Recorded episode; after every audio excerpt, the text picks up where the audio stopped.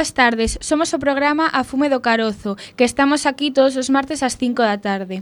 Vai ser un programa dedicado ao surf e ao surf femenino.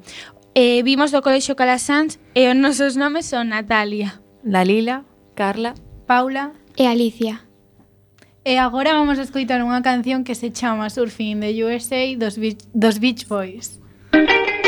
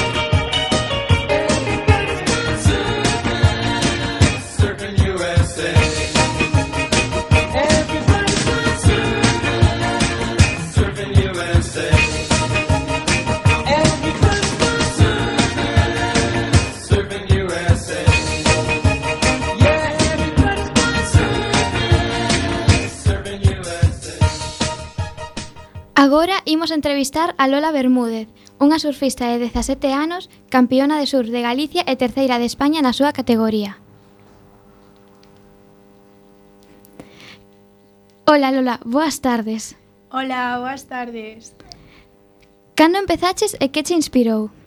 Empecé cando tiña sete anos, empecé, empecé porque meu padriño facía surf e un día levoume con, con ela a surfear. Entón, gustoume e despois a, apunteime a clases con o adestrador que teño agora. E cando empezaches a competir? Empecé con 12 anos competindo en sub-12 e con 14 anos empecé a tomarmo máis en serio e a competir a nivel nacional. Hasta agora, que intento competir e entrenar o máximo posible. E con que frecuencia entrenas? No verán habito entrenar todos os días, eh, fago tres días de físico e os demais entreno na auga surfeando. E durante o curso? Cando, cando hai clase, eh, entreno dous días por semana, fago física con, fa, fago físico cando me apetece, que adoita ser case nunca, e gustaríame poder entrenar moito máis, pero polo colexio non podo. Onde adoitas entrenar? Normalmente vou a Bastiagueiro no inverno, e a Caión, Pantín, Razo ou praias de Ferrol no verán. E xeralmente hai máis nenos ou nenas? Hai moitos máis nenos que nenas can, que practiquen surf. E, aínda que cada vez vexo que hai máis nenas pequenas que comezan a surfear. Antes sobre había sobre 4 nenas por competición e agora i, igual hai unhas 20, aínda que hai o dobre de hai o dobre de nenos. Con que táboa comezaches ti? Eu comecei cunha táboa de por spam, que son tabas moi grandes e as mellores para aprender. O principio ibas espumas. E o cabo do, de dous anos, indo no verán, comecei a usar unha táboa de fibra grande e pouco a pouco pois fun cambiando a unha táboa máis pequena para, e para máis nivel. Ata que con tempo comecei a, a manobrar e a facer xiros. De que depende o tamaño da túa táboa? Cada canto a cambias? Pois vou cambiando cada ano dependendo de se crezo, se engordo, se adelgazo, se melloro ou se sigo igual. Pasas frío na auga? Como vas vestida normalmente? Pois no, no verán uso un neopreno de 4-3 e no, no inverno de 5-4 e a veces uso escarpins. Cando vas á praia, onde deixas as cousas? As soemos deixar no, no medio de, de rochas, pero non sei, depende. Robaronche algunha vez algo? Non, pero a amigos míos sí, pero non, non é o normal. Por exemplo, a, a un amigo mío robaronlle un zapato, só so un. Cal é a túa opinión sobre compaxinar o colexio con entrenar? Proporcionanche facilidades? Pois, na miña opinión, o, colexio, o colexio non se adapta moito os deportes que, que un entrena case profesionalmente fora do colexio. En comparación cos Estados Unidos, que, por exemplo, os colexios adaptanse moitísimo aos horarios de adestramento dos deportistas. Eu este ano, cando estiven ali estudando, vin como unha amiga miña que surfaba case profesionalmente, pois podía faltar ás clases e os exámenes e non lle suspendían nin lle ponían falta. Proporcionabanlle a posibilidade de, de estudar na casa e facer os exames por internet sen problema. E agora unha pregunta musical, cal é a túa canción favorita? non sei. Ai, Macarina. Perfecto, moitas grazas Lola, un placer contar contigo nesta tarde. Agora imos a falar sobre a historia do surf. En 1778, unha expedición británica ao mando do capitán James Cook, eh, que navegaba desde Tahití ata América do Norte, atopouse casualmente cun grupo de illas descoñecidas e que posteriormente se chamarían as Illas Hawái. A expedición atracou nas illas a fin de trazalas no mapa e tomar nota das súas características, así como da forma da vida e costumes dos seus habitantes. Pero durante a súa estancia na illa de Hawái, unha discusión dos indígenas motivada polo roubo dunha barca terminou coa morte do capitán Cook por lanzas indígenas. O tenente James Cook tomou o mando da expedición e no diario de a bordo anotou as primeiras referencias escritas sobre o sur que existe. Un dos seus entretementos máis comuns realízano na auga, cando o mar está crecido e as ondas rompen na costa. Os homes entre 20 e 30 diríxense mar adentro sorteando as ondas. Colócanse tombados sobre un ferro balada aproximadamente ao seu a mesma altura e ancho. Mantéñense as súas pernas unidas no alto e usan os seus brazos para guiar o ferro.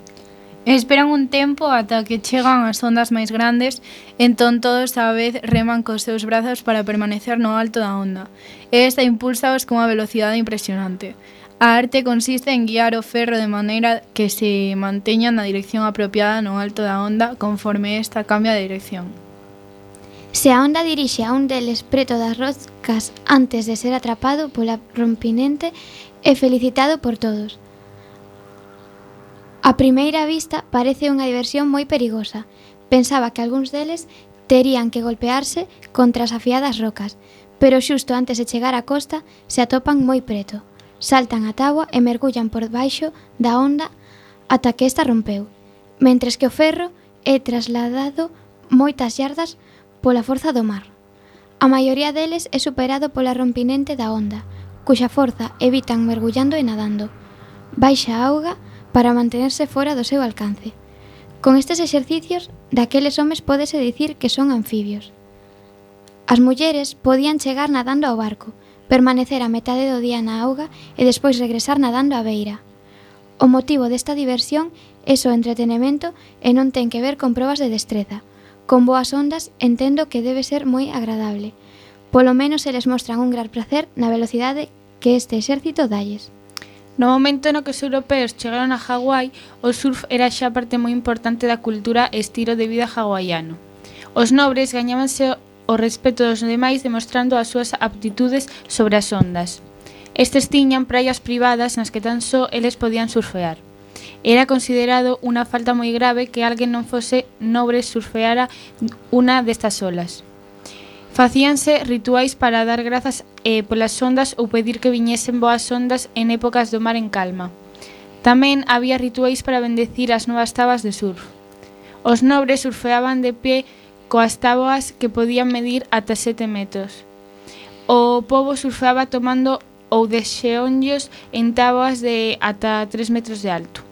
A pesar de que foi en Hawái onde se atopou o surf máis evolucionado, pénsase que non foron os que o orixinaron. Habitantes de Hawái eran emigrantes outras illas do Pacífico como Polinesia, onde tamén existía o surf, aínda que menos evolucionado, evolucionado xa que collían as ondas tombados ou de xeonllos. Ao chegar os primeiros emigrantes a Hawái, leváronse consigo a cultura do surf, que xa existía en Polinesia, e desenvolverona ata que formase parte da súa cultura. Tras a chegada en 1778 dos primeiros europeos, seguiron 150 anos de declive na religión, costumes e cultura hawaiana, ata case a súa desaparición. O sur viuse igualmente afectado. En tan só 50 anos impúxose a cultura e forma de vida europea, desplazando ata a súa total extinción a hawaiana, e case tamén extinguen a poboación coa chegada á illa das enfermidades europeas descoñecidas para eles e contra as que os seus defensas non podían facer nada. E agora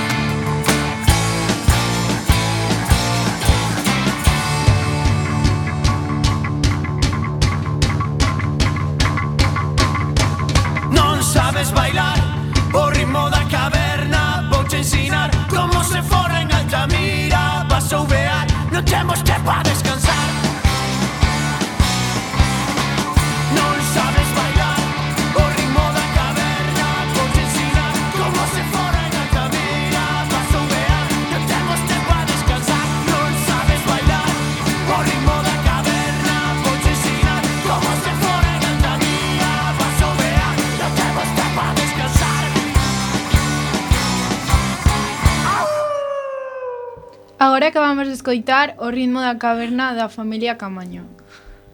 Foi en 1800, 1820 coa chegada dos, misiona, dos misionarios cristiáns calvinistas cando se eliminou case por completo calquera vestixio de cultura indígena hawaiana e sustituíuse por unha cultura de modestia, traballo e religión.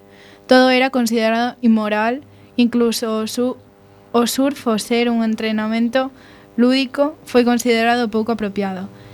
Esta filosofía foi un xerro de, de auga fría para unha cultura que celebraba a alegría de vivir. Andaba en, tapaba, en taparrabos, practicaba o surf e a natación como unha forma de vida. A partir de 1840 chegaron a Hawái unha serie de escritores e xornalistas atraídos polo leran destas illas. Estes escritores decatáronse da estrita moral a que eran sometidos os indígenas e denunciárono públicamente. A súa vez, contaron ao mundo os costumes propios dos hawaianos, entre elas o surf, que empezou a coñecerse deste xeito en Occidente. Así descubriu Mark Twain, autor de As aventuras de Tom Sawyer, nun dos seus libros a súa experiencia co surf. Tentei facer surf unha vez, pero fallei. Estaba coa taba situado nun lugar correcto no momento apropiado, pero perdí o contacto coa taba e caíme. A toa chegou á beira no, me, no medio segundo, pero sen a súa carga eh, e, e eu golpeime contra o fondo ao mesmo tempo, cun par de barris de auga caendo sobre a miña. En 1898, un grupo de empresarios xunto cos marines americanos aboliron a monarquía hawaiana, sen demasiada resistencia por parte dos nativos e pouco despois Estados Unidos anexioulles as illas Hawái como parte do seu territorio. A principios do século XX o surf empezou a rexurdir nas costas hawaianas, especialmente na illa de Oahu, e algo menos en Miau e Kauai. Neste rexurdimento do surf xogaron un papel importante tres aloes, non nativos e un nativo hawaiano.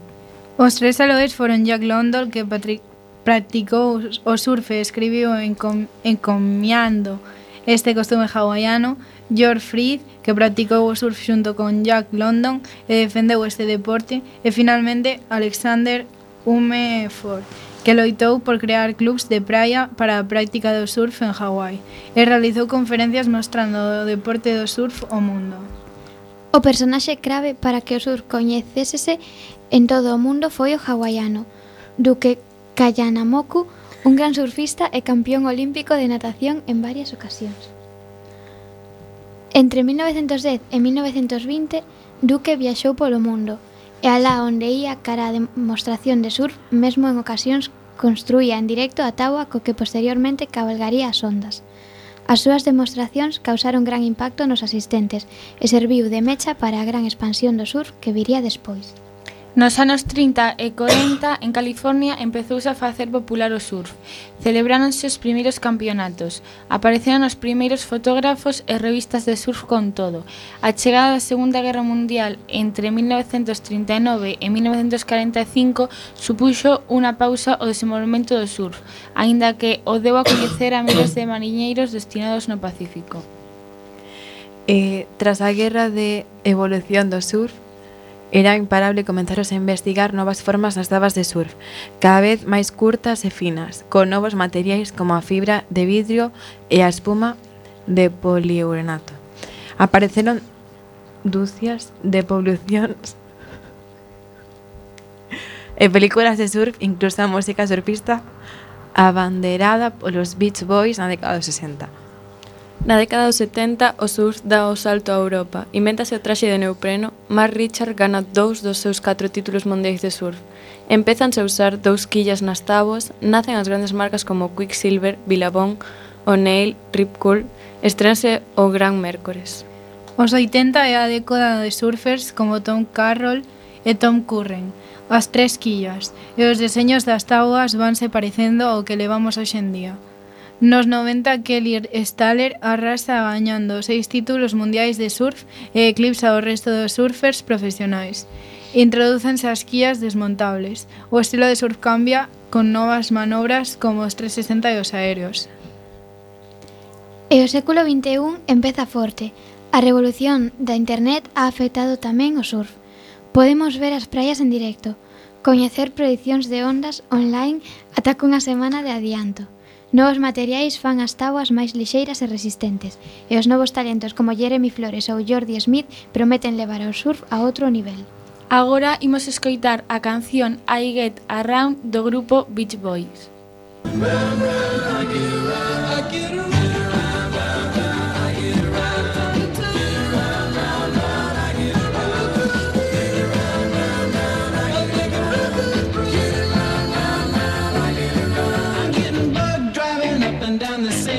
Strip. I gotta find a new place where the kids are hip.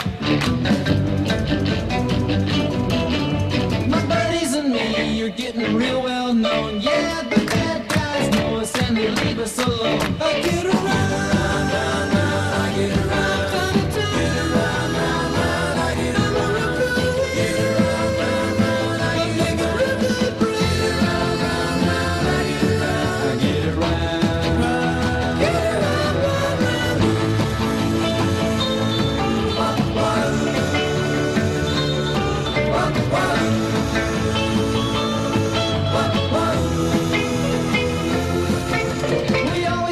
Car cause it's never been beat. And we've never missed yet with the girls we meet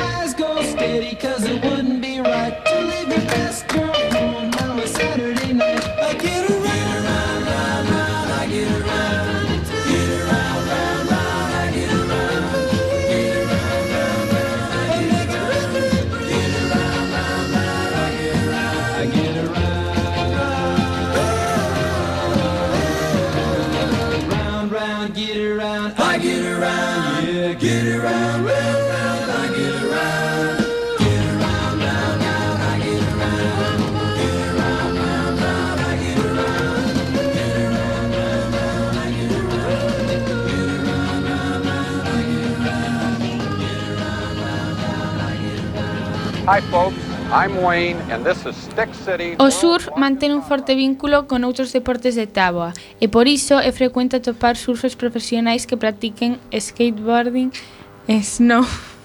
Tamén.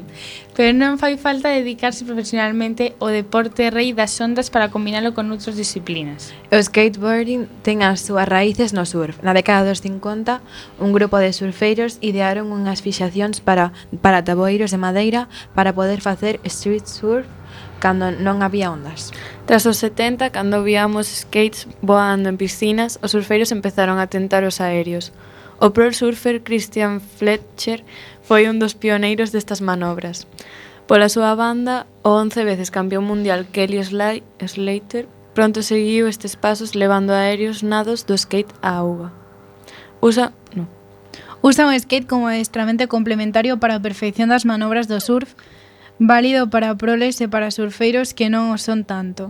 O skate achega ao surfeiro memoria muscular sobre a táboa Mellorado que o equilibrio e as manobras no skatepark poden ser practicadas infinita, infinitas veces ata lograr a perfección, que se transcribirá na nosa próxima sesión de surf. Numerosas empresas xa fabrican skates que tentan replicar de preto os movimentos no surf no, aspa, do as, no asfalto. Este deseño permite bombear a táboa como no surf e gañar velocidade mesmo en chan liso sen necesidade de impulsar co pé. O eixo dianteiro incrementa o radio de xiro das túas trazadas. Esta dinámica crea aceleración e impulsache adiante incrementando a velocidade. A alucinante similitude co surf fixo co Carver C7 a elección perfecta para os entrenos en seco, tantos dos pro surfers como de todos os que aman este deporte. Cando practicas snowboard, a sensación de liberdade e adrenalina que produce montar unha taba de snow é indescriptible e nese sentido ten moita semellanza co surf a súa cultura ou filosofía de vida, de espírito libre. Esta é a principal razón pola que o snowboard se ha feito tan popular en tan pouco tempo. E a gran vantaxe que ten co esquí é que só necesitas unha táboa de snowboard que se adapte a túas características, unhas botas cómodas e roupa apropiada para a montaña. O feito de facer snow vai axudar equilibrio, a flexión, posición na tábua, pero non son bastante diferentes os dous deportes. O motivo é que a montaña queda quieta e o mar vai cambiando constantemente. Un surf skate é un patín cunhas características especiais que permiten deslizarse polas rúas como se fixéselo nunha onda sobre unha táboa de surf. Para conseguir esta sensación, os surfer skates además dunhas táboas longas e anchas, montan uns eixos especialmente deseñados para permitir unha traxectoria con xiros moito máis pechados que unha táboa de skate ou longboard tradicionais. O snowboard é un deporte extremo de inverno, no que se utiliza unha taba para deslizarse sobre unha pendente cuberta por neve. O equipo básico para practicalo son a mencionada táboa e as fixacións e as botas. Históricamente o deporte foi unha actividade dirixida case exclusivamente ao xénero masculino, pero se avanzamos no tempo e imos a comenzos do século XXI veremos que aínda hai moitos deportes que discriminan entre homes e mulleres. Podemos ver moitos exemplos. Piragüismo, que ata hai uns anos non permitía ás mulleres competir na categoría de cabo, A importancia da diferencia salarial entre o fútbol femenino e o masculino como un dos máis rechamantes, ou, por suposto, o surf que reservaba o mellor lugar para os homes. Hai máis de nove décadas que o surf comezou a ser practicado por mulleres. Algúns valentes como March Calón, nai do surf moderno, pasaron a historia para abrir as portas a millóns de amantes deste deporte. Calón incluíuse no Paseo da Fama de Surf en Huntington Beach pola súa aparición en diferentes películas vinculadas a este deporte. Seguro que vos soan nomes como Isabel Ledam, considerada por moitos como a primeira muller que subiu a unha táboa de surf en 1915 en Sydney. Ou Mary Ann Hawkins, a surfista máis destacada dos anos 40, con tres vitorias consecutivas no Campeonato Feminino de Sur da Costa. E, por suposto, non podemos esquecer a Margo Oberg, a primeira muller que se dedicou profesionalmente ao surf, e Rel Sung, unha das mulleres máis influentes nun taboleiro durante o século XX. É unha das fundadoras da Asociación de Surf de Mulleres Profesionais. Se botamos unha ollada ás listas das principais competicións de surf, o número de participantes é aínda menor. A profesionalización deste deporte vai moi a modo e son poucas as mulleres que hoxe dedican a súa vida á competición. Non foi ata 2014 cando a Asociación de Surfistas Profesionais pasou a chamarse World Surfer League cando todo comezou a cambiar. O circuito profesional feminino ata agora fora totalmente abandonado e comezou a ser visto con outros ollos polo Consello e patrocinadores. Dende que o ASP foi abstruído pola WSL, houbo grandes fitos para as mulleres. A inclusión de categoría feminina nun maior número de competicións e a igualdade de distribución de premios. Anteriormente, os mellores puntos reservábanse para os homes. E agora imos escoitar Panxoliña de Amor, do grupo Familia Camaño.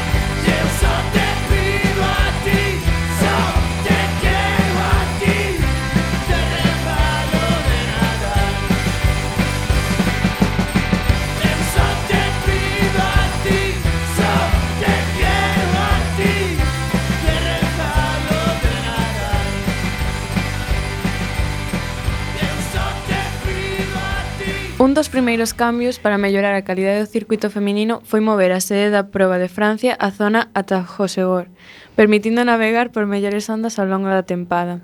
Ademais, finalmente pudimos ver torneos como Fiji, Maui e Tresl, Tresles, todos eles da clase mundial incluindo o seu calendario. Pero sen dúbida, a decisión máis importante que cambiaría o rumbo da competición feminina foi a igualación dos premios entre homes e mulleres. Dende 2014, o WSL distribúe a mesma cantidad de diñeiro a ambos os sexos. Anteriormente, os homes percibían percibían o dobre.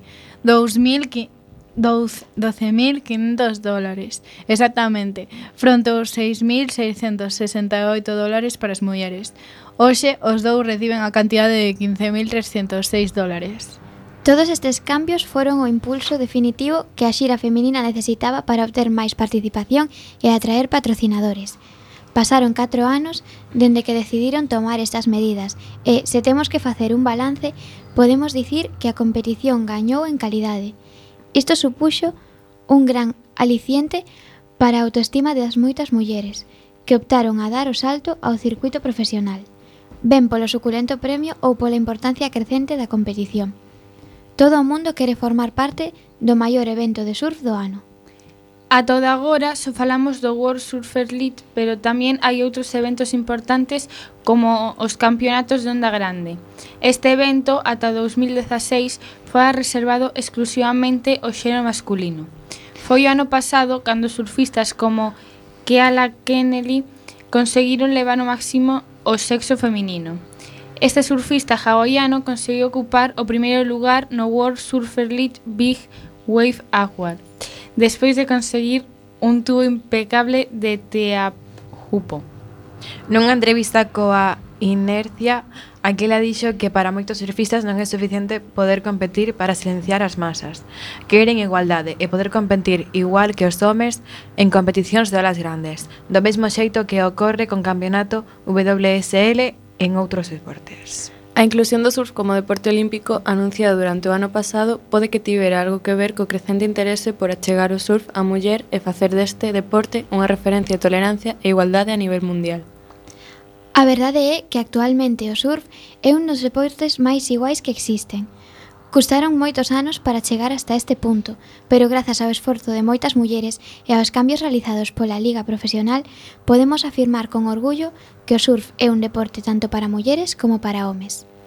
O surf non só é un deporte, senón tamén un estilo de vida, que abarca actividade física, cultura e moito contacto ca natureza, senón que tamén é un deporte de competición, é dicir, está apoiado por estruturas administrativas e de control, como as federacións que se encargan do regulamento das competicións. Os primeiros datos da historia dos campeonatos. Os profesionais do surf datan en de 1976 co International Professional Surfers IPS. A seguinte evolución foi a Asociación de Profesionais do Surf, ASP, fundada en 1983. Finalmente en 2015. A ASP convertese oficialmente na World Surf League, World Surf League WSL que supervisará as principais áreas de competicións da élite de surf. A World Champion Tours, CT, a serie de clasificación QS, a Big Wave Tour, os Wave, Big Wave Awards, os campeonatos do mundo de longboard ou os campeonatos do mundo junior. O WSL Champions Tour TC é o circuito de 11 paradas onde se cubren os lugares máis axeitados. Comeza marzo en Australia, percorre todos os continentes e remata en decembro en Hawái. Enfronta aos 36 mellores surfistas do mundo, o que demostra a súa excelencia en todo tipo de ondas. Quen compite no WSL Champion Tour? Hoxe compiten máis de mil atletas de todas as nacionalidades. Para poder ascender ao top 34 da WSL, os surfistas poden ser Os 22 mellores surfistas da clasificación de fin de ano do WSL Championship Tour. Os 10 mellores surfistas clasificados no WSLQS ao final do ano, sen incluir os surfistas que están no top 22 no WSLCT. Dous comodíns WSL no caso do surf femenino. 17 surfistas compiten só. Normas principais. Os eventos están... Con...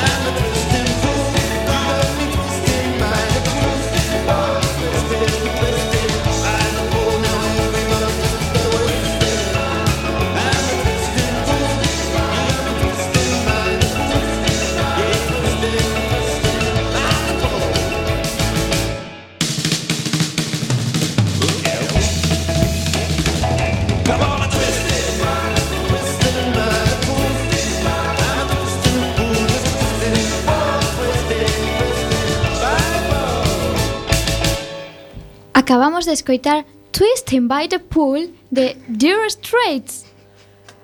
Normas principais. Os eventos están compostos por ro por roldas e cada rolda de clasificación onde dous ou catro surfistas compiten por bloquear as ondas con maior puntuación. Non hai límite no número de ondas, pero só se marcan as dúas ondas con mellor puntuación.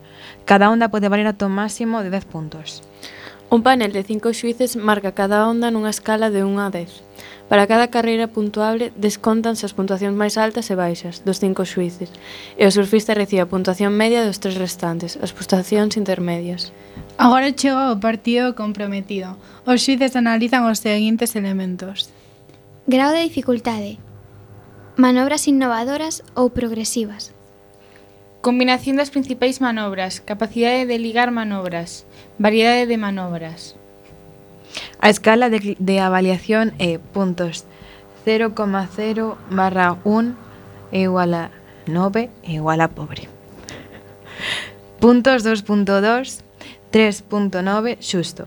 Puntos 3.0, 5.9 media normal. Puntos 6.0 barra 7.9 bo puntos, 8.0, 10.0 excelente. Para clasificacións, os puntos obtéñense despois de cada evento segundo a clasificación.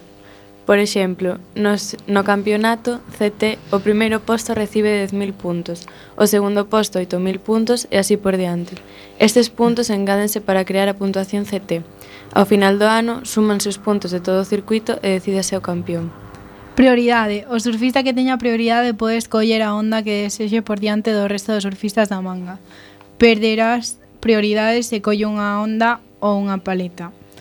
Se dous ou, ou máis surfe, surfeiros pillan unha onda, terá prioridade o primeiro surfista en chegar ao descanso. Interferencia. Un surfista que impida prioridade a outro surfista será penalizado con interferencias. Na maioría dos casos, isto significa que a túa puntuación de manga calcularase usando só a mellor onda.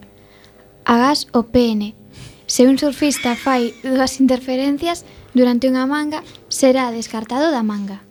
Reinicie a manga ou a calor, excepto na Big Wave Tour Se ninguén atrapa unha onda durante os primeiros 10 minutos dunha manga, o xuiz principal pode reiniciar esa manga.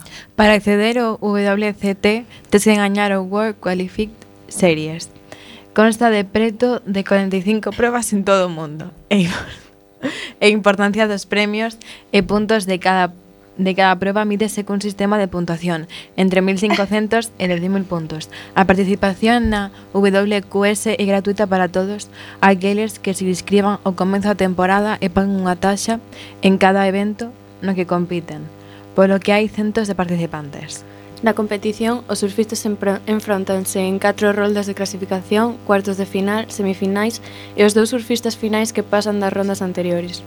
Un grupo de xuíces valora as ondas de cada surfista cunha puntuación de 1 a 10, e ao final de cada rolda a puntuación de cada participante será o resultado de engadir os puntos das súas dúas mellores ondas. No, na WCT con, contanse os puntos acumulados en todos os eventos realizados ao longo da tempada, pero na WQS o ter tantos eventos só se contan os sete mellores resultados de, de cada participante. Ao final da tempada, Os 15 primeiros surfistas clasificados na Serie Mundial de Cualificación poderán xogar o WCT o próximo ano, do que se eliminarán os últimos 15 clasificados. No caso dos rapazas, serían as seis primeiras surfistas. Ademais das competicións organizadas pola ASP, hai numerosas competicións organizadas polas distintas federacións e asociacións de surf. Estas competicións pertencen a circuitos rexionais ou rexionais que funcionan dun xeito similar ao WQS, é dicir, son de libre acceso a todos os surfistas que pagan unha taxa por participar. Ah, hai outra... Vale. Hai outras competicións como as invitacións nas que só participa por invitación dos organizadores. Despois a nivel europeo está o Gilser Pro France que é o oitavo evento do As World Tour e o primeiro dos dous que se celebra en terra europea. Gilbert patrocina este premio dende 2001 nas praias de Os... Francia a mediados de setembro e principios de outubro. Non obstante, precisamente esa primeira edición do 2001 foi cancelada polos tráxicos atentados do 11 de setembro de 2001 no World Trade Center de Nova York. O Pantin Classic Galicia Pro é o único campeonato mundial celebrado en augas españolas e como cada ano terá lugar na praia de Pantín, no Concello de Valdoviño. O evento reunirá a uns dos mellores surfistas do mundo na praia de Pantín para defender o seu título. Ao longo destes días, os asistentes poderán gozar da competición de surf masculino e feminino dende primeiras horas da mañá e participar en diversas actividades onde se combinarán deporte e lecer bautismos de surf, gratuitos, sesións de yoga, actuacións, musicais, sesións de música DJ, o Pantín Classic Galicia Pro é un evento enmarcado dentro do calendario internacional da Liga Surf Mundial. E que contará tanto na categoría masculina como na femenina, con 10.000 puntos para o circuito de, de clasificación QS. Agora vamos, vamos, imos escoitar a canción Perdoa do grupo Familia Camaño.